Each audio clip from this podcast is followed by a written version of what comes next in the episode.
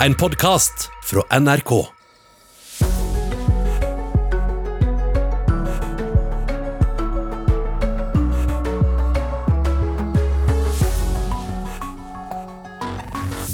Velkommen til eh, Nyhetsmorgen. Vi skal eh, snart til Libanon og til korrespondent Sissel Wold, som er ute i gatene i Beirut og ser på skadene etter eksplosjonen på tirsdag. Etter at Norges Bank satte ned eh, renten til null i mai, har nordmenn trolig lånt langt mer penger enn vanlig, viser en liten rundspørring NRK har gjort. Og Norges Blindeforbund krever umiddelbar regulering av elsparkesykkelutleie. Det bekymrer at uh, jegere som gjennomførte skyteprøven i fjor, slipper å gjøre det i år pga. virusepidemien. Og jeg er vel mest bekymra for de som jubla når de fikk beskjed om at ikke de trengte å ta den. Det er vel kanskje de som burde vært der mer. Det er eh, noe av det vi har å by på i Nyhetsmorgen eh, denne første halvtimen. Og her i studio, Ugo Fermarello og Kari Ørstavik. Det begynner å komme hjelp fra mange land til Beirut i Libanon. Ja, der eh, er nå 135 mennesker bekreftet døde og flere tusen skadet etter eksplosjonen i et lager på havna på tirsdag. Frankrike, Tyskland og Russland har allerede sendt fly med hjelpemannskaper, mobile sykehus og forsyninger. Og Sissel Wold, du er ute i Beiruts gater nå.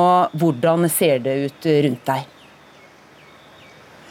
Ja, vi kan jo se her. Jeg står foran det som en gang var en gullsmed. Og gaten bortover her er full av hauger med glasskår og alt inventaret som pleide å være gullsmeden og andre butikker her. Eh, vi stilte oss først under, eh, utenfor gullsmeden, men så begynte det faktisk nærmest å regne glasskår. Og store glassflak som eh, eh, datt ned her og knuste. fordi i alle bygningene over denne store blokka, så er jo alle vinduene knust. På den andre siden så ser jeg en bank, det som en gang var en bank. Der også ligger alle de store vinduene som store flak, fullstendig knust på fortauet utenfor banken. Og vi ser at alt inventaret inne i banken er ødelagt.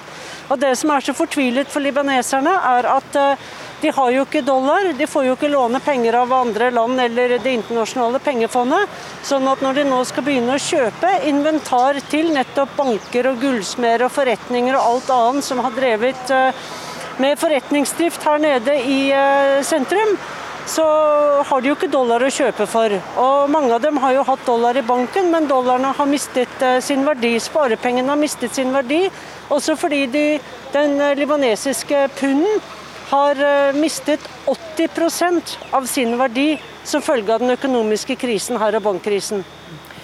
Men nå til selve oppryddingsarbeidet. Hjelpen begynner å komme til Beirut nå. Hva vet du om hvordan den skal organiseres? Ja, Det er jo det store spørsmålet, og det viktigste spørsmålet. Fordi alle vi har snakket med her, mener jo at uh, regjeringen og politikerne må ikke få labbene sine borte i alle disse millionene og den hjelpen som kommer inn til landet nå. Ingen som sagt, eh, nesten ingen har, har, eh, har, sympati eller respekt for dem fra før. Og nettopp dette at eh, de ikke har gjort noe med dette havnelageret som oppbevarte disse eksplosive materialene, har gjort at, at sympatien og tilliten er enda mer tynnslitt. Men hvordan skal det organiseres da? Hvem er det som skal ta imot all denne hjelpen? Det er det store spørsmålet. Kanskje, eh, Det er jo også forskjell på hjelp. Én ting er rene millioner, blanke penger som kommer inn til landet. En annen ting er jo når man sender letemannskaper og, og, og folk som skal hjelpe til å bygge opp ingeniører eller uh, også hunder som skal lete etter de savnede. Mm. Og så uh, Litt mer om årsaken til eksplosjonen. Hva er det man vet nå sikkert om den? Det var jo et skip som kom hit for seks år siden. Eh, og Det er ganske uklart hvem som eide skipet og hvem som har ansvaret for skipet, men det var lastet med dette eh, eksplosive materialet. Eh, samme type som Anders Behring Breivik bygget bombene til Høyblokka med. Det ble da oppbevart her i havnelageret rett her borte i seks år.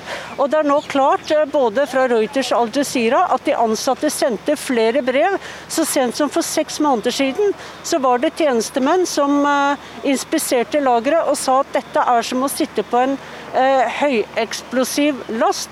Dette kan sende eh, hele Beirut i lufta hvis man ikke sikrer dette og hvis man ikke flytter det. Disse beskjedene gikk oppover i systemet flere ganger. Ingenting ble gjort. Så nå kommer eh, oppgjørets time for noen. Eh, regjeringen har satt flere av de ansatte på havnelageret i husarrest, for man skal finne ut grunnen. Men det folk krever her, at nå må det være åpenhet. Og jeg kan sitere Saed Haddad, en libanesisk-palestinsk eh, forfatter og hjelpearbeider. Han skrev på Twitter i går at det internasjonale samfunnet må se på denne eh, eksplosjonen som et, eh, en krigsforbrytelse, og ikke som en tilfeldig ulykke eller tragedie. For her var det mange som ikke gjorde jobben sin, og som ikke tok noe ansvar for å sikre denne eksplosive eh, lasten. Takk skal du ha, Sissel Wold. Gudrun Bertinussen, god morgen. Landdirektør i Norsk Folkehjelp. Du bor vanligvis i Beirut, nå er du i Norge på ferie. Hvilke tanker gjør du deg når du hører dette fra Libanon? Så I går så var eh, Beirut i sjokk, eh, men de startet også å gå ut i gatene og rydde for glass. Og det strømmet til frivillige eh, fra grasrotorganisasjoner rundt hele Beirut for å hjelpe de som var verst ramma i de fattige nabolagene i sentrum av Beirut. Sentrum av Beirut er jo et sentrum for også de rikeste. Så det som er spesielt, er at eh, også havna og eksplosjonen førte til at de rikeste eh, og også de eh, statlige institusjonene ble veldig hardt rammet. Og det er også et sjokk for hele Libanon. Den økonomiske krisen har ført til at de fattige har fått det verre, men denne krisen rammet også det øvre sjiktet av samfunnet. Jakob Høygilt, førsteamanuensis i Midtøsten-studier ved Universitetet i Oslo. Hva vil det at mange i det øvre sjiktet i samfunnet nå er rammet? 300 000 er husløse fra flere samfunnslag, men, men også noen av, av, de høyest plassert. Vil det gjøre noe, tror du, med kampen for å endre det politiske livet? Ja, Det er et veldig godt spørsmål. Eh, for dette, denne fryktelige tragedien kommer midt i en ekstremt vanskelig situasjon for, for Libanon. Det er jo sånn at eh, Landet har vært styrt av en, eh, en elite som kommer fra ulike religiøse grupper. Hvorfor det er sånn har en, har en lang historie. Men det har vært sånn at disse elitene fra ulike religiøse grupper har konkurrert seg imellom og sørga for en viss stabilitet. Eh, som av og til har brutt sammen, sånn som under borgerkrigen, men det har vært en viss stabilitet. Og de har liksom beskytta og representert sin, sine religiøse grupper. Men det som har skjedd nå, eh, de, de siste, særlig det siste året, det er at eh, folk har fått nok av korrupsjonen og den autoritære holdninga til disse elitene. Og det at de har berika seg på statens og folkets vegne. For det har de gjort i mange mange år. Sånn at Fra eh, oktober cirka, i fjor så har det vært kjempestore demonstrasjoner i Libanon fra alle typer religiøse miljøer. Vanlige folk som har gått ut i gatene og sagt vi vil ha en systemendring. Vi vil ha en slutt på at disse elitene sitter og styrer og, eh, og beriker seg på vår bekostning, vil ha et, eh, et representativt demokrati. Eh, og så kommer dette som, som, som rammer både da rike og fattige, men som for mange libanesere, de aller fleste tror jeg, vil være et, et kjempekraftig bevis på hvor udugelige disse elitene. Nettopp for det som Sissel Wold sa i, i innslaget, at her har det blitt gitt advarsler. Alle visste og så er det ingen som har gjort noen ting, for de har ikke brydd seg. Så uh, disse elitene har ingen legitimitet. Det er en veldig alvorlig situasjon. Gudrun Bertinussen, eh, mistillit til uh, den politiske ledelsen, økonomisk krise. Millioner av flyktninger som har bodd i Beirut, flere har kommet nå, men de har bodd der siden, siden 1948 egentlig. Hva er folk mest bekymret for? Det som er en del av håpløsheten, det er jo statens evne til å lede Libanon ut av krisen. Både den akutte akutte krisen og den mer langvarige økonomiske krisen. F.eks. nå som infrastruktur er så ødelagt. Man har tidligere hatt forsøk på å gjøre noe med sanitærforholdene i Beirut. Likevel har f.eks. store eh, hotelleiere fått bygge rett over eh, hovedrørlinjene for, for, for, for som, som med alt avfallet. Og de, Det fører til at folk tenker at hvis du sitter ved makt, så kan du gjøre hva du vil og ikke følge noen regler. Så man er redd for at den støtten som kommer inn, havner igjen i lommene til eh, politiske ledere. Nå, nå, kommer det da fly med nødhjelp. President Macron fra Frankrike besøker i dag, og, og mange land sender hjelp, også Norge. Eh, men Tror du det kan avhjelpe den akutte krisen nå, nå som vi hører at sykehusene både er ødelagt og er belastet med covid-19-pasienter? Ja, jeg tror medisinsk hjelp til sykehusene det er akutt veldig viktig nå. For de er ikke bare overbelastet, de er også ødelagt. De store, kjente sykehusene ligger i nærhet til eksplosjonen. Vi så bilder i går av sykepleiere som løp rundt med nyfødte, tre nyfødte i armene. Så det, det er viktig. Men denne hjelpen, også til helsesektoren, må komme med betingelser. Vi vet også at den medisinske sektoren er også korrupt. Eh, og man har et helsesystem som heller også ikke har klart å utvikle velferdssystemer hvor alle får lik tilgang til hjelp. Jakob Høgilt, eh, vi hørte flere si i reportasjer før eksplosjonen fra Beirut at nå, nå føler de at det glipper, at, at, de kanskje føler de må forlate. altså Folk fra den tradisjonelle middelklassen må forlate Beirut, føler de. Eh, hvilket håp ser du for politisk stabilitet og å komme seg på beina igjen? Jeg, må, jeg, må, si jeg er ganske pessimistisk, egentlig. Ikke minst fordi en del libanesere selv er ganske pessimistiske. Libanon har eh, relativt, eh, hvis du ser på den arabiske verden, frie medier og kritiske medier. Eh, Iallfall en del av dem. Og jeg leste noen kommentarer i går fra toneangivende medier. Og, og det, De sier at dette, den store katastrofen her det, det, Greit nok, dette har vært en forferdelig eksplosjon, men den aller største katastrofen er at det, det kommer bare til å bli skittkasting, og eh, at folk prøver å fordele skyld eh, på andre, kaste skylda over på andre. Vi klarer ikke å stå samla til og med i en sånn eh, katastrofe som dette. Det er, det er, det virkelig tragiske her, er det flere som sier. Så de har ikke noe tro på at disse elitene skal klare å holde landet samla i sorgen, men heller at eh, folk på toppen da eh, som Bertinesen også er inne på her, prøver, prøver å bruke dette for å mele sin egen kake. Eh, og Når det er sånn, så, så, er det jo veldig vanskelig å se for seg hvordan dette skal føre til, til noe som helst godt. Eh, det blir vanskeligere for alle libanesere i, i den økonomiske og politiske krisa de er i. Om det blir ustabilitet, er, er vanskelig å si. Eh, men at folk får det dårligere, det er jeg ganske sikker på. Bertinussen, hva, hva trenger Libanon mest nå? Og Hvordan skal denne hjelpen komme? Vi hører demonstranter fra Paris som sier at dere må ikke gi det til nettopp myndighetene, for da havner det i lommene deres. Eh, jeg tror det er viktig at i den akutte fase må man også støtte opp under de lokale grasrotorganisasjonene. De er ikke like viktige på internasjonale media og synlighet, men de har vært ute i gatene og distribuerer mat og vann og også husholdsartikler til de som trenger det mest. De er til stede i nabolag, de kjenner de som er, har det vanskeligst, de kronisk syke, de, de alenemødrene. Så jeg eh, vil eh, snakke opp eh, det lokale organisasjonslivet, som er viktig i et land som har en veldig svak, korrupt stat. Takk skal dere ha. Gudrun Bertinussen i Norsk Folkehjelp og Jakob Høygilt ved Universitetet i Oslo. Klokka er 7.17 snart. Du hører på NRK Nyhetsmorgen. Det begynner å komme flyvninger med krisehjelp til Beirut, Libanons hovedstad, fra flere land. 135 mennesker er nå bekreftet døde etter eksplosjonene i går. Og Facebook har slettet et innlegg fra president Donald Trump. I innlegget hevder Trump at barn er nærmest immune mot covid-19, noe som er feil. Og nordmenn har lånt langt mer penger eh, gjennom sommeren enn i tidligere år, viser eh, NRKs egne undersøkelser. Det skal vi høre mer om snart. Ja.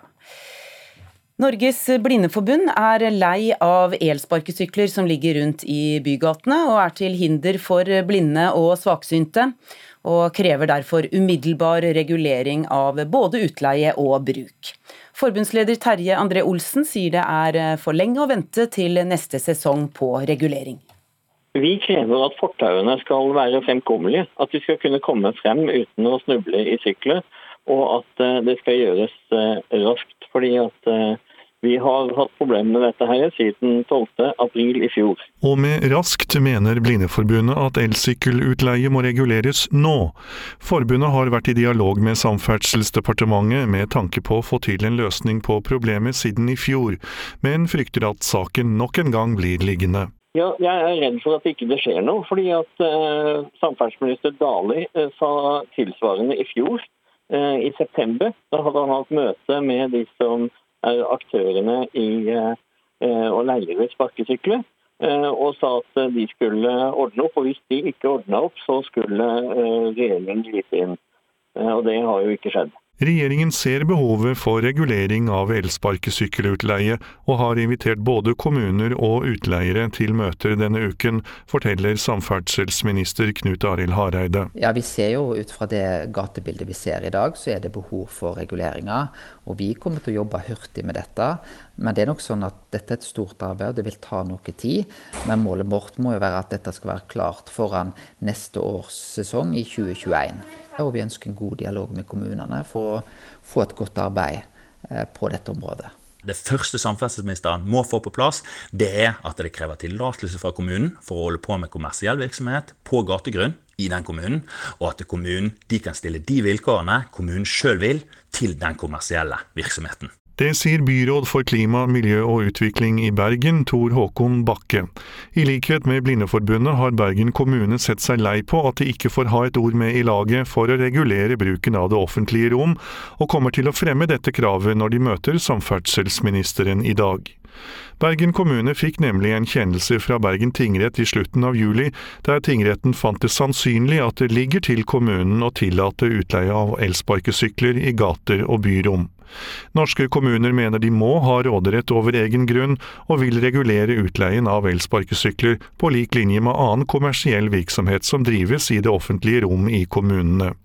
Utviklingsbyråden i Bergen ser ikke bort fra at dette også kan bringe inntekter til kommunene. Selvfølgelig så ville det vært et interessant spørsmål her òg, og det ville jo selvfølgelig også vært en del av en demokratisk og faglig prosess som er grundig, som ville endt opp i at de folkevalgte i bystyret hadde bestemt seg endelig for hvordan de ville ha dette. Hvis du skal holde på med kommersiell utleie av elsparkesykler, ja, da må du betale eh, en kostnad for å låne byrommene våre.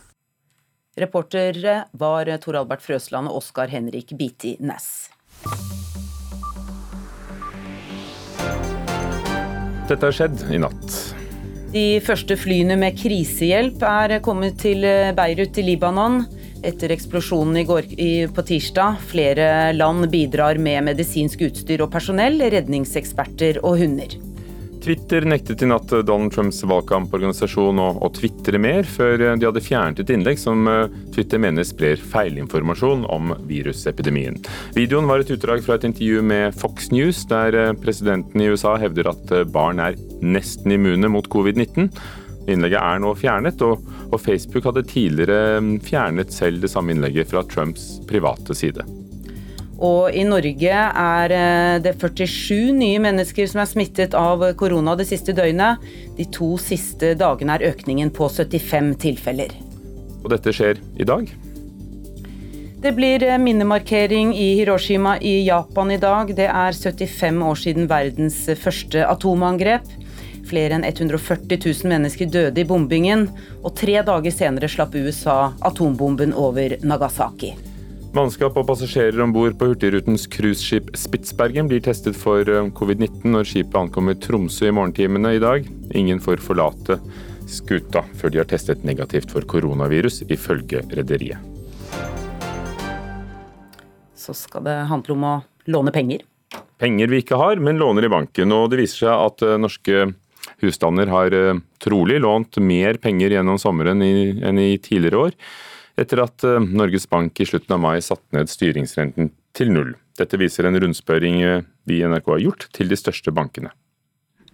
Nei, Vi har sett en, en, kraftig vekst. Mange flere søknader enn vi har hatt i samme periode i uh, tidligere år. Men ikke bare til eh, boliglån og finansieringspriser, men også til andre typer lån, som oppussing og campingvogner, bobiler, båter etc. Det har vært, vært generelt sett veldig høy aktivitet. Sier Alexander Dahl, som er leder for personmarkedet i Danske Bank. De rekordlave rentene fører til at mange kjøper nye hjem, låner for å pusse opp boligen de allerede bor i, eller kjøper båter og campingvogner. Eh, vi har egentlig hatt eh, en, en, annen trend enn det vi har sett eh, historisk. Mer, mer pågang i, i sommer. Også Nordea har opplevd en kraftig vekst i utlån til husholdningene. I landets største bank, DNB, snudde det uka etter at sentralbanken satte ned styringsrenta til null i mai. Det forteller Ingjerd Blekeli Spiten, som er leder for personmarkedet i banken. Den har fortsatt eh, både inn i sommeren og gjennom eh, sommeren. Så låneetterspørselen har stabilisert seg på et høyere nivå enn det vi har sett eh, tidligere år. Vi har vel ikke sett en lavere rente enn en boliglånsrente enn, det vi ser, enn det vi ser i Norge i dag. Og det gjør at eh, mange ønsker å enten oppgradere boligen sin eller eh, komme seg inn i boligmarkedet. Og vi ser jo også eh, at eh, boligmarkedet og omsetningen av, eh, av, eiendommer har jo også vært rekordhøy nå i juli. Den høye veksten i husholdningenes gjeld har i mange år vært en hodepine for Finanstilsynet og Norges Bank. Men siden før jul i fjor har veksten i låneopptaket falt hver eneste måned, viser tall fra Statistisk sentralbyrå. Nå er spørsmålet om utviklinga etter hvert snur feil vei. Vi kommer til å følge de tallene veldig tett, og så får vi se om dette nå snur noe kanskje etterspørselen etter boliglån kan tyde på. Makroøkonom Marius Hov i Handelsbanken spår at det i så fall kan føre til en raskere renteoppgang fra Norges Bank. Og Det er rett og slett fordi eh, boligprisene nå stiger raskere enn inntektene til folk flest, og da, da, må du låne mer for å være med på dette her. Så Om noe så er dette her et argument for at Norges Bank eh, kan komme til å sette opp renta litt tidligere enn det de egentlig hadde planlagt. Og nettopp Norges Bank eh, legger frem sin utlånsundersøkelse for andre kvartal, altså fra april til og med juni, og det skjer klokken ti i formiddag. Reporter Johan B. Settem. Om 20 eh, minutter er det klart for eh, Politisk kvarter, og hva du, har du å by på i dag, Håvard Grønli? Vi sier oss ikke helt ferdig med trygdeskandalen. Etter rapporten denne veka så har arbeids- og sosialminister Torbjørn Røe Isaksen sagt unnskyld. Men kanskje han også bør endre politikk? spør vi når han kommer på besøk. Og så skal vi diskutere om det er fritt fram for kjemikalieutslipp fra norsk oljeproduksjon. Koronaviruset har endret mye og mangt. Annet slipper jegere som gjennomførte skyteprøve i fjor, å gjøre det i år. Det bekymrer jegere i Eidanger i jeger- og fiskelag i Telemark. De er redd for at dyr vil bli skadeskutt under jakta, fordi jegerne i forkant har troppet å trene. Det er kort tid til jakta begynner for mange og Camilla Lien Vibeto er på vei inn til skytebanen for å øve. For å få lov til å gå på jakt på storvilt, må man normalt bevise at man klarer å unngå skadeskyting ved å bestå en skyteprøve. Der skal fem skudd treffe blinken på 100 meters avstand. Camilla hun ligger og puster rolig og sikter, før hun løsner skuddet.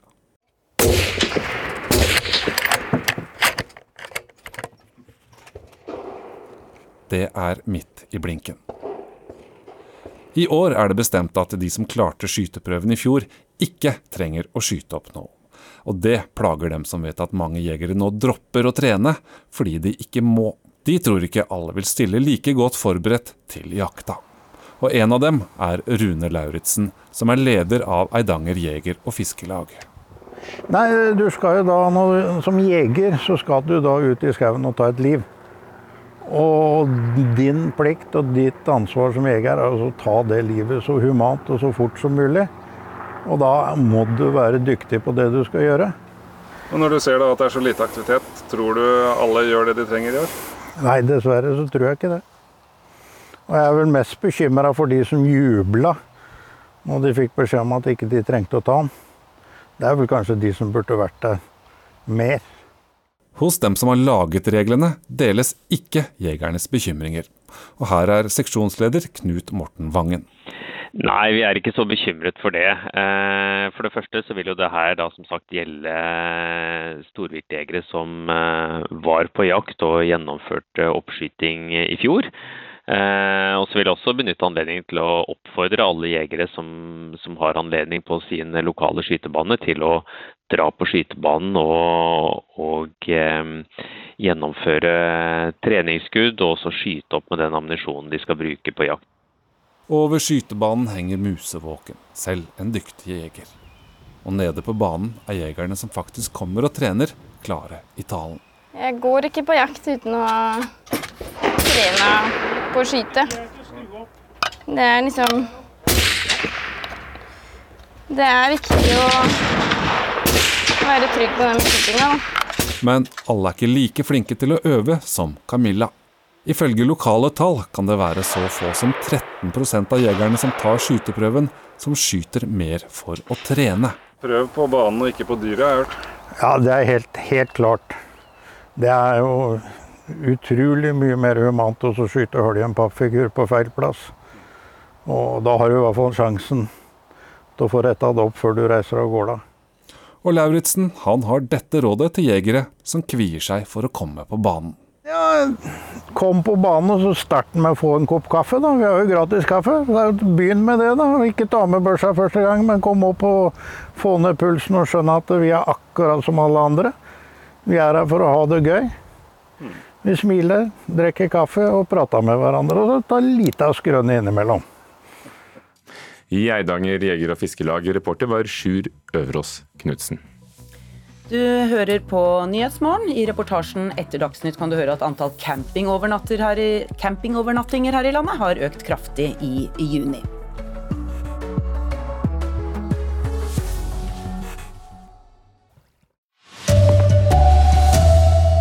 Hjelp begynner å komme fram til Beirut. Halve byen ble råka av eksplosjonen.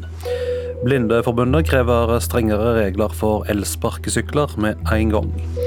Og Nordmenn har lånt mer penger enn vanlig i sommer, og det kan føre til renteøkning, tror økonom.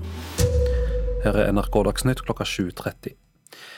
Hjelp fra mange land begynner å komme fram til Beirut i Libanon. Minst 135 personer ble drepne og flere tusen skadde etter eksplosjonen i et lager på havna Tysdag.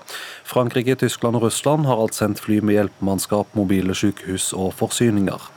Korrespondent Sissel Wold, du er i Beirut, og hvordan ser det ut rundt deg?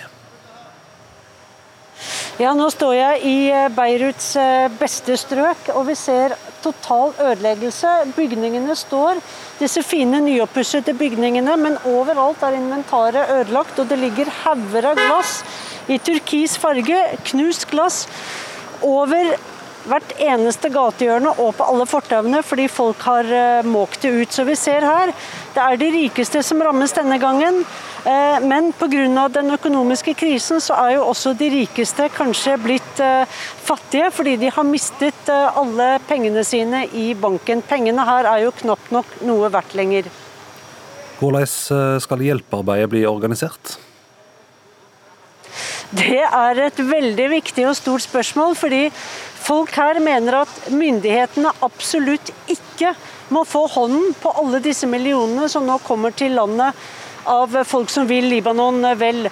Eh, de mener at eh, politikerne er så korrupte at det er de som har ødelagt eh, økonomien og systemet i landet, at man må organisere dette på en annen måte.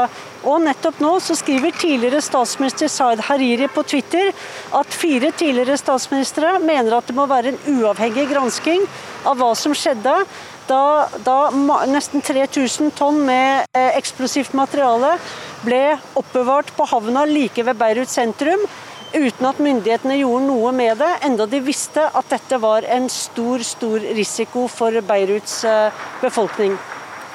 Korrespondent eh, Sissel Wold med oss fra Beirut. Facebook har sletta et innlegg fra valgkampen til president Donald Trump. I innlegget hevder Trump i et intervju med Fox News at barn er nær immune mot eh, covid-19, noe som er feil. Dette er første gangen Facebook sletter et innlegg fra Trump. Twitter nekta også valgkampen og legger ut ei lenke til det samme intervjuet. Norges Blindeforbund er lei av at at eh, elsparkesykler er til hinder for blinde og saksynte i byene, og krever regulering av utleie og bruk. Forbundsleder Terje André Olsen sier det er for lenge å vente til neste sesong på regulering. Vi krever at fortauene skal være fremkommelige, og at eh, det skal gjøres raskt. Og med raskt mener Blindeforbundet at elsykkelutleie må reguleres nå. Ja, jeg er redd for at ikke det skjer noe. fordi at uh, Samferdselsminister Dali uh, sa tilsvarende i fjor.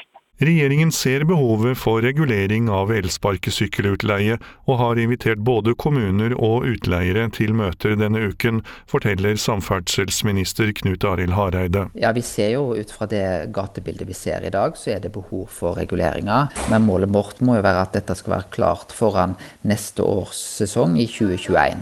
Og vi ønsker en god dialog med kommunene for å få et godt arbeid eh, på dette området. Det første samferdselsministeren må få på plass, det er at det krever tillatelse fra kommunen for å holde på med kommersiell virksomhet på gategrunn i den kommunen. Det sier byråd for klima, miljø og utvikling i Bergen, Tor Håkon Bakke.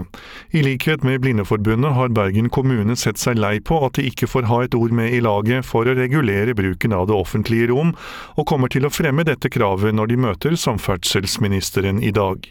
Norske kommuner mener de må ha råderett over egen grunn, og vil regulere utleien av elsparkesykler. Utviklingsbyråden i Bergen ser ikke bort fra at dette også kan bringe inntekter til kommunene. Selvfølgelig så ville det vært et interessant spørsmål her òg, og det ville jo selvfølgelig også vært en del av en demokratisk og faglig prosess som er grundig, som ville endt opp i at de folkevalgte i bystyret hadde bestemt seg endelig for hvordan de ville ha dette. Reportere var eh, Tor Albert Frøsland og Oskar Henrik Bitti Næss. Nordmenn har uh, trolig lånt mye mer penger i sommer enn tidligere i år, og det kan føre til en renteøke, tror en økonom. NRK har spurt de største bankene om nordmenn sine lån. Uh, oppussing har jeg lyst til å nevne spesielt, og det har det vært veldig mye av. Uh, og, folk låner tilsynelatende mer enn de har gjort tidligere. Sier Alexander Dahl, som er leder for personmarkedet i Danske Bank. De rekordlave rentene fører til at mange kjøper nye hjem, låner for å pusse opp boligen de allerede bor i, eller kjøper båter og campingvogner. Eh, vi har egentlig hatt eh, en, en, annen trend enn det vi har sett eh, historisk. Mer, mer pågang i, i sommer. Også Nordea har opplevd en kraftig vekst i utlån til husholdningene. I landets største bank, DNB, snudde det uka etter at sentralbanken satte ned styringsrenta til null i mai. Det forteller Ingjerd Blekeli Spiten, som er leder for personmarkedet i banken.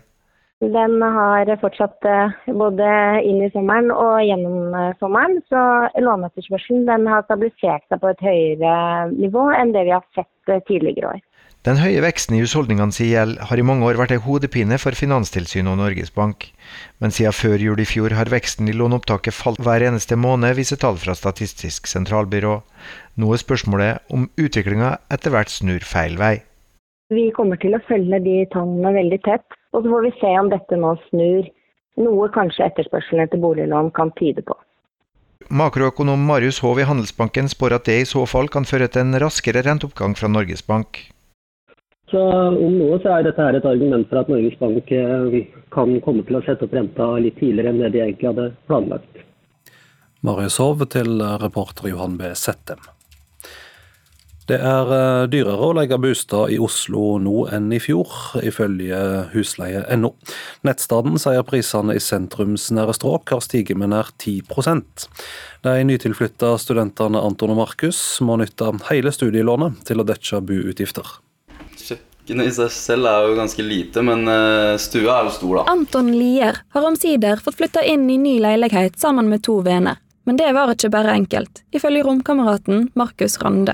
Vi var vel på en, en fire visninger, men uh, vi forhørte jo også om å dra på veldig veldig mange flere. Men leilighetene blir jo uh, utleid nesten med en gang de kommer på markedet. Til slutt fant de en bostad sentralt i Oslo. Her må de ut med 21 000 kroner i måneden, og i tillegg kommer strøm og internett. Det kan bli krevjende på studentlommeboka. Likevel har de vært relativt heldige med leiga, det er nemlig dyrt å bo i hovedstaden, og det har også Kjetil Olsen i husleie.no merka seg. Hvis vi ser innad i Oslo, eh, sentrumsnære strøk i Oslo, sånn, så ser vi at en treromsleilighet har bl.a. økt med 10% i forhold til samme måned i fjor. Så den ligger nå på rundt 15 600 kroner per måned.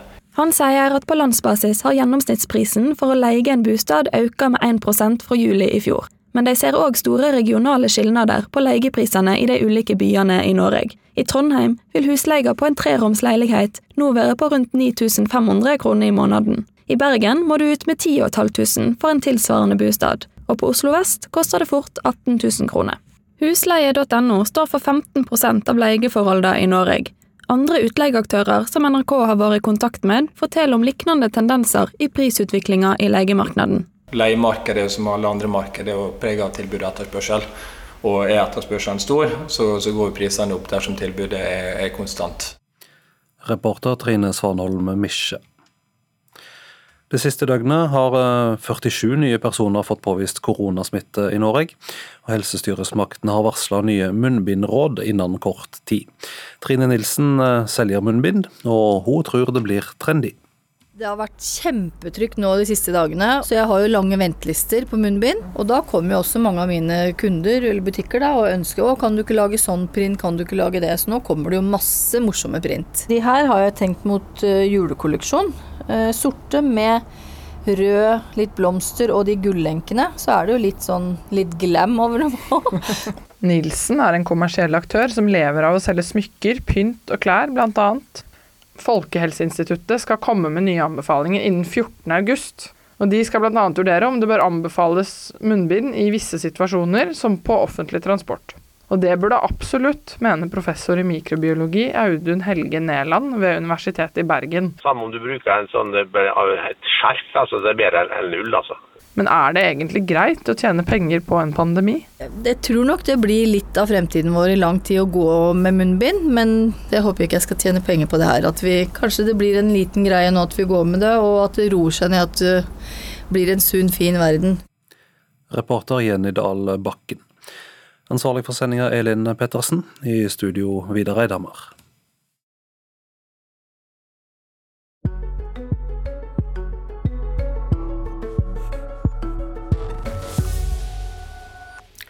Antall campingovernattinger her i landet økte kraftig i juni sammenlignet med juni i fjor. Det viser tall fra Statistisk sentralbyrå.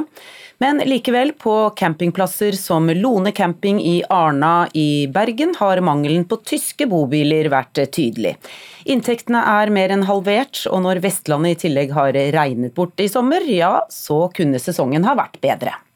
Ikke all verdens bra. Jeg tror vi kan si halvannen døgn eller halvannen dag med sol, og veldig mange dager med bare én. I snart to uker har Jon Ottesen og familien testa campinglivet i Sør-Norge. Vi har vært i Bergen i en tre-fire dager med mange unger og stor familie. Så vi er åtte stykk. Dermed gjør Ottesen og resten av reisefølget det samme som veldig mange andre nordmenn har gjort denne sommeren. Nye tall fra Statistisk sentralbyrå viser at det var 20% flere norske overnattinger på campingplasser i juni i år mot juni i fjor. Vi er på resepsjonen til Lone camping. Den åpner 3. juli. Så den er vi fornøyd med. Men du er ikke like fornøyd med antall gjester dere har ønsket velkommen her? Nei, det kunne vært litt flere. Men selv om flere nordmenn har valgt å reise med bubil, campingvogn eller bo i telt eller hytte, er ordreboka ikke lystig lesing for campingsjef Henrik Lone på Lone camping i Arna. Vi ligger vel rundt 60% under totalt så langt i sesongen. Juni er tradisjonelt en populær måned blant utenlandske turister, men som følge av pandemien faller totale overnattinger på norske campingplasser med 20 i juni. Jeg regner med vi har dobla antallet nordmenn, og kanskje litt mer enn det i forhold til normalt. Men det er ikke nok til å veie opp utlendingene. Denne veka kom hotelltallene for de største byene for juli måned. Tallene viste at storbyene tapte, medan flere av de mindre byene faktisk hadde flere gjester enn i fjor. Campingsjefen på Lone utenfor Bergen ser det samme mønsteret i campingtrafikken. Selv om det ennå ikke finnes nasjonale tall for norske campingovernattinger i fellesferiemåneden juli. Vi fikk vel en indikasjon på det i mai og juni, når vi omtrent ikke hadde folk og vi hørte at det var tjåka fullt enkelte plasser, så folk ble avvist i distriktet. Jeg har inntrykk av at det er Distrikts-Norge som har vunnet på at utlendingene de reiser til storbyene og nordmennene reiser til distriktet. Det er mitt inntrykk. Nei, jeg, jeg har drevet campingplassen i 20 år. og jeg har nå aldri vært i nærheten av så mye telefoner. Det inntrykket deler i høyeste grad mangeårig campingsjef ved Gloppen camping i Nordfjord, Rune Kjørvik. Ja, Vi har iallfall hatt helt fullt. altså Hele, hele Sogn og Fjordane oppover her det har vært helt fullt. Det har vært nesten umulig å oppdrive ei seng. Etter en trang start på sesongen snudde det helt ved Jonsok. Vi har vel ikke en eneste dag i hele juli måned vi har tatt imot alle som har ringt oss bort. Hver dag har de måttet si nei til gjester. Hver eneste dag. Resultatet har vært langt flere teltere, forteller Kjørvik. Vi hadde mye telt i fjor òg, men i år har det i styggevær, regn og småbarnsfamiliene. De slår opp telt nede silende vått. Jeg, jeg hadde holdt meg hjemme. jeg hadde ikke orka. Det er klart Når vi er campingvogn og åtte stykk, så eh, skulle vi hatt litt mer sol. det, det kan bli litt trangt. Tilbake på Lone camping i Arna har likevel ikke vestlandsvær tatt knekken på reiselysta til Jon Ottesen og resten av reisefølget. Nei, vi koser oss jo. Vi, eh, det eneste vestlandsværet her begynner å bli litt lei av, så vi er snart på vei østover igjen. Blir det en ny eh, norgesferie?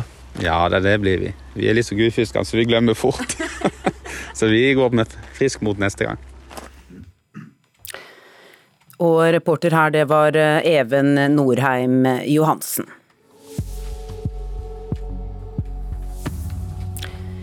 Hjelpen fra andre land begynner å komme fram til Beirut i Libanon, der 135 mennesker nå er bekreftet døde etter eksplosjonen.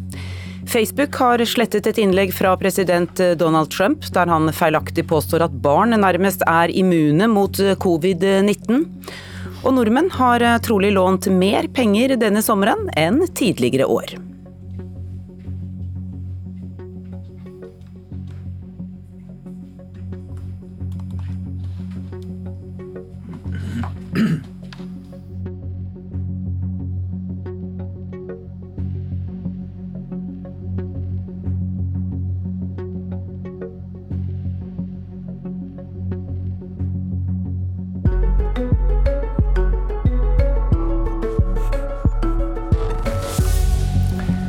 Unnskyld, sa statsråden etter 300 sider knusende dom over det norske systemet.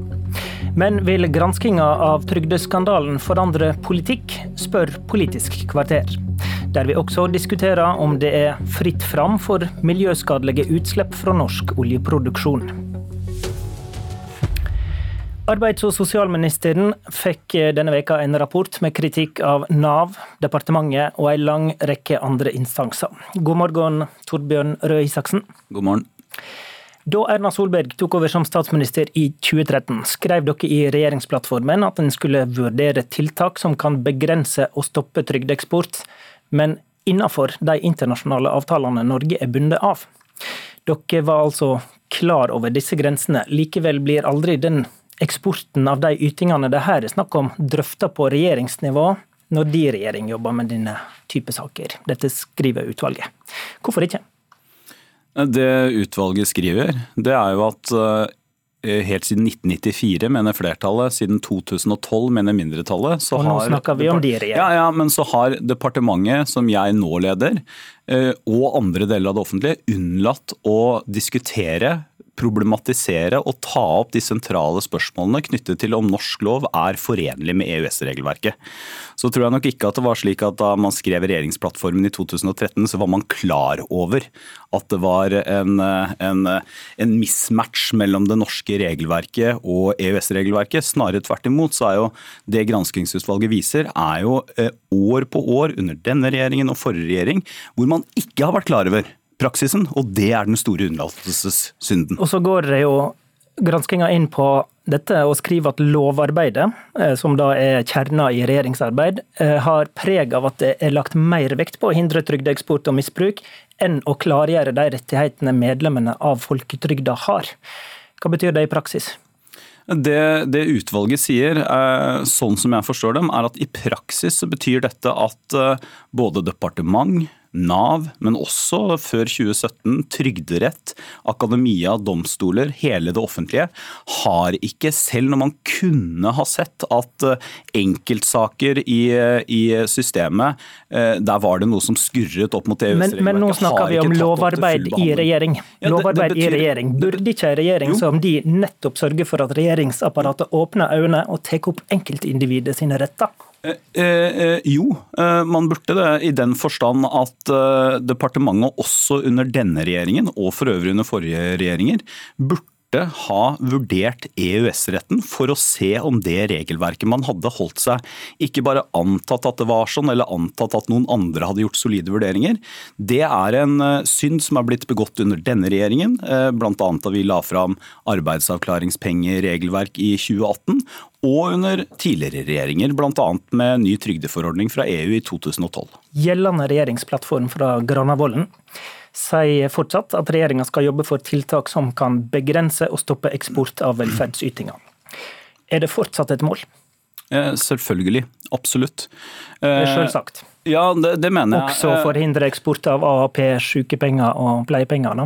Ja, det er, det. det er viktig å huske på at den saken her gjelder jo bare eksport av, eller det at man tar med seg disse ytelsene til EØS-området. Mm. Hvis man f.eks. tar det med til Tyrkia eller okay, Er det et mål å forhindre eller... den typen eksport da, til eh, andre eh, europeiske til, land? EØS-området? Altså, er, først og fremst så er det jo et mål at vi gjør dette innenfor det som er reglene. Og det er helt uholdbart at dette har, eh, at dette har vært praktisert vurdert feil, at mennesker har blitt uriktig dømt og havnet i fengsel. Men er det Men fortsatt at, et politisk mål? Ja, jeg mener at det fortsatt er et politisk mål at vi skal uh, bekjempe uh, uønsket trygdeeksport. Jeg mener at det er et politisk mål at vi skal ta og avsløre trygdesvindel, men det må så, være så på riktig med, grunnlag. Ta med til André EØS-land er fortsatt uønska, da? Det, nei, altså det, det, er det jo ikke. Og det er jo en av de viktige tingene som, som, dette viser. Eh, at det er ikke mulig å ha det regelverket vi har hatt. og Derfor er det selvfølgelig heller ikke ønskelig. Og det er jo det store problemet i denne saken. Men det er jo sånn at, eh, som du startet med, programleder, at med utgangspunkt i dette så må jo både denne, den regjeringen som jeg sitter i nå, og hele det politiske Norge, som jo har stått bak disse reglene i det store og det hele, se på hva er det vi da ønsker skal være det nye regelverket. Mm. Eh, F.eks. så er det, tror jeg de fleste partier i Norge mener, rimelig at man har et krav om at hvis man går på en ytelse, så følger man også opp de aktivitetstilbudene eller kravene man får. Tenker du vi bør utfordre EU på handlingsrommet i EØS-avtalen? Jeg tenker at vi ikke skal utfordre på handlingsrommet, altså i den forstand at vi skal bevege oss i gråsoner her. Men jeg mener at vi må ha en diskusjon om hvordan det, et samlet politisk Norges ønske om at vi skal ha f.eks. aktivitet når man mottar ytelser, kan kombineres med det regelverket. Men det må ikke ta fokus bort fra at mennesker og berørte har blitt uriktig behandlet, og at vi samtidig er nødt til å ordne opp og rydde opp for dem. Og Når det gjelder uriktig behandling, så peker utvalget på problemet med at Arbeids- og velferdsdirektoratet er blitt slankere. Fagmiljø og kompetanse har flytta ut. Medarbeidere i ditt departement peker på at Nav er faglig svekka, samtidig som direktoratet fortsatt har det samme ansvaret. Denne regjeringa har hatt ansvaret for Nav i sju år. Hvorfor har dere latt dette skje?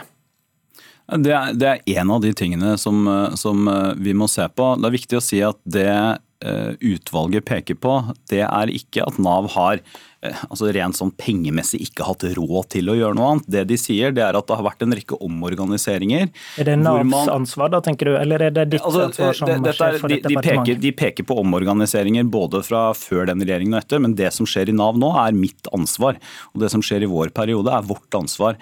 Og det som er helt åpenbart, det er at vi er nødt til å ha et sentralledd i Nav som er sterkt nok og godt nok faglig rustet til å kunne foreta helt avgjørende vurderinger vurderinger av det som skjer i en stor og komplisert organisasjon. Men da forstår jeg at du mener det ikke har med ressurstilgangen å gjøre. Betyr det at du vil oppfylle det regjeringsplattformen sier om å fortsette denne avbyråkratiseringsreformen, da, som vil slanke Nav mer framover? Altså, eh, bare så det er sagt, så betyr det, det, betyr, altså det kan være gode argumenter for å bruke mer penger på, på Nav. Det har vi ikke minst det? gjort dette halvåret. Eh, vil du love det? Altså, I disse koronadager så kan ja, ok, Men nå snakker vi om trygdeperspektivet. Si men vi, vi, er også nødt til å bruke mer ressurser i Nav på å sikre at de har den nødvendige EØS-kompetansen, og ikke bare da ett et eller annet sted i organisasjonen, men også i sentralleddet, altså direktoratet. Grunnen til at jeg nevnte dette med ressurser, var rett og slett fordi at det er lett for, for Jeg har hørt at opposisjonen har forsøkt å koble dette direkte til nettopp da avbyråkratiserings- og effektiviseringsreformen som regjeringen har hatt. Det klarer ikke jeg å si at utvalget gjør. De peker på omorganiseringer og at kompetanse, bl.a. juridisk kompetanse, har blitt dyttet ut i organisasjonen for å, ja, for å si det på den måten, være nærmere de som er nær brukerne. Så avbyråkratiseringspolitikken fortsetter også for Nav? Eh, ja, det er ikke noe grunn til å tro at ikke ABE-reformen og avbyråkratiseringsreformen vil fortsette. Men det er jo også sånn at ja, inneværende år f.eks., hvor Nav har fått 900 millioner ekstra, så er det jo ikke sånn at Nav har fått svekkede budsjetter. Eh, snarere tvert imot. Og Nav har også hatt økning i budsjettene sine alle årene med oss. Heller vi ikke fram med å diskutere koronasituasjonen, men takk for at du kom, arbeids- og sosialminister Torbjørn Røe Isaksen. Abonner på Politisk kvarter som podkast og få sendinga rett til din mobil. Er det greit at oljeselskap på norsk sokkel slipper ut råolje og kjemikalier uten at det blir meldt til politiet? Avisa Klassekampen har eh, gått gjennom rapporter på utslipp fra 2004. Rapportene fra Miljødirektoratet og Petroleumstilsynet viser ca. 3500 ulovlige utslipp til luft og vann fra oljevirksomheten vår ute i havet. Dette er utslipp som selskapene varsler om sjøl. Eh, noen av disse på noen få liter, andre på mange tusen tonn. Men eh, alle ulovlige, fordi det er akutte utslipp i strid med utslippsløyver som selskapene har. Av disse 3500 er bare 11 meldt til politiet. Tre har ført til forelegg. Lars Haltbrekken, stortingsrepresentant for SV. Hvorfor er det et problem? Det er ganske alvorlige utslipp til miljøet vi snakker om. Det er til dels store kjemikalieutslipp som eh, skader fisk og annet liv på havbunnen og oppover i sjøen. Og det er også store oljeutslipp som kan gjøre stor skade på sjøfugl. Og det vi frykter er at eh, det nå begås systematiske lovbrudd fra oljeselskapene sin side, fordi at miljømyndighetene over år har sett gjennom fingrene på det som har skjedd. Man har erfart at det har vært lettere å få tilgivelse og kanskje til og med tillatelse til økte utslipp i ettertid. Men en annen måte å se det på er det som Miljødirektoratet sier til Klassekampen, nemlig at en dialog om tiltak kan føre like langt som å melde en sak til politiet. Jo, men Vi ser jo at uh, de alvorlige uh, bruddene har fortsatt. Uh, og det er på tide å få satt i verk noen strengere straffereaksjoner mot disse ulovlighetene som skader miljøet, for å få bukt med dem. Dialog er fint, men vi tror nok også at økt bruk av anmeldelser, og kanskje også andre tiltak, må til for å få ned disse ulovlige og skadelige utslippene. Okay. Klima- og miljøminister Sveinung Rotevatn fra Venstre, er dette et godt system? I stort så har vi et godt system i den forstand at alt av avvik blir fulgt opp. En retter feil, en hindrer at nye ting kan oppstå i framtida. Og en straffeforfølger det som er de mest alvorlige tilfellene av miljøkriminalitet. Jeg tror også at det er grunn til å se på anmeldelsespraksisen rundt det vi her snakker om. Eh, men jeg tror ikke det skal være et mål at absolutt alle avvik blir meldt til politiet. Ok, Hva mener du med å se på anmeldelsespraksisen? Nei, for, for, altså I dag så melder en jo de mest alvorlige tilfellene til politiet, og det vil også resultere i klekkelige bøter. Men det er mange som en ikke melder til politiet, og så er spørsmålet om en for balansen godt nok. Og du er litt i tvil sjøl, da, eller? Altså, Jeg har vært litt i tvil, og det har jeg også gitt uttrykk for til, eh, til, Stortinget. og Jeg har sagt til Stortinget at dette er noe vi skal se på, og det er Miljødirektoratet allerede i gang med. Men jeg tror det er veldig viktig å si en ting, og det er at jeg mener ikke at målet skal være at alle avvik skal politianmeldes. Ganske enkelt, for det er ikke alle avvik som nødvendigvis har den alvorlighetsgraden. Et eksempel på det, et av disse som du nevner i statistikken din her i innledninga, 4. mai 2018. Det var en kran på Balderfeltet i Nordsjøen som gikk lekk. Det kom 0,1 liter hydraulikkolje i Nordsjøen. Men, men Haltbrekken sa heller ikke at det skulle meldes til politiet? Nei, men han har brukt veldig sterke ord om at her ser en gjennom fingrene med ting osv. Det er mange ting som er ikke greit, som må rettes opp i, men der en politianmeldelse verken vil være formålstjenlig eller vil føre til noe. Nei da, øh, man trenger ikke å anmelde alle avvik. Øh, men når du over 15 år har hatt 3500 ulovlige utslipp, og det har vært snakk om 10-11 anmeldelser, så viser dette at det kan ha utvikla seg en praksis på sokkelen hvor eh, oljeselskapene eh, tenker at eh, den utslippstillatelsen vi har fått, den er det ikke så farlig å følge. Det blir ikke noe særlig straffereaksjoner ut fra det allikevel. Så her kan vi bare begå lovbrudd, så kan vi rapportere det inn, og så får vi tilgivelse og får vi kanskje tillatelse også til økte utslipp. Det som vi bør innføre, det er jo hvis jeg eller Rotevatn kjører for fort i trafikken og gjør det gjentatte ganger så får vi prikk i eh, førerkortet vårt. Eh, og til slutt, eh, hvis vi har gjort dette for mange ganger, så mister vi førerkortet, i hvert fall for en periode. Og Det kan man gjøre til oljeselskapene også. Begår dere alvorlige lovbrudd flere ganger, ja, så mister dere for en periode retten til å drive på norsk sokkel. Ja, og jeg har sagt til Stortinget at det å innføre nye sanksjoner er også noe som vi ønsker å diskutere nå, og som vi viser til den stortingsmeldinga vi har levert. og Jeg tror den typen ting er verdt å se på. Men jeg tror sammenlignet med trafikken er jo interessant, for det er jo andre områder enn på miljøfeltet der vi har avvik i samfunnet uten at det alltid blir politianmeldt. Et eksempel på det. Ehm, I Oslo kommune så har det siden 2013 vært 250 000 brudd på arbeidsmiljøloven. Oslo kommune er styrt av SV. Det kan være interessant å høre hvor mange av de som er meldt til politiet. Jeg skal ikke eh, gå inn på hva som har skjedd i Oslo kommune og en helt uh, annen sak, men, men, men, men jo, men for å ta, ta, ta, jo, men hør her, La meg få ta en, en del av poenget til Rotevatn. da. Altså, det virker jo, Med 3500 så virker det som om smått og stort av utslipp faktisk blir rapportert. da. Og Det kan jo kanskje ha en eh, verdi i seg sjøl. Kanskje det er mer fristende å holde kjeft hvis det var politianmeldelse som var trusselen bak et kvart utslipp? Hvis man da får mistanke om at oljeselskapene begynner å holde kjeft fordi at straffereaksjonene blir strengere, så får man øke antall tilsyn. Det som vi ser eh, de siste årene, er jo at eh, Miljødirektoratet har gjennomført 16-17 15 tilsyn årlig eh, på sokkelen. Hvis man får en mistanke om at oljeselskapene holder tilbake informasjon, ja, så får man styrke Miljødirektoratet og kjøre på med flere tilsyn. Altså, selv avvik på 1 desiliter blir rapportert, så tror jeg ikke det er grunn til at mye blir holdt igjen. Men alvorlige tilfeller skal politianmeldes. F.eks. i 2014 var et stort utslipp fra Statoil-anlegg. Politianmeldt 7 millioner i bot. Den type ting skal du slå hardt ned på. Men alt av smått og stort kan ikke du følge opp på samme måte, men alt skal følges opp uansett uansett. Det var det vi rakk i denne utgava av Politisk kvarter. Takk til Sveinung Rotevatn, klima- og miljøminister, og takk til Lars Haltbrekken fra SV. Programleder i dag var Håvard Grønli.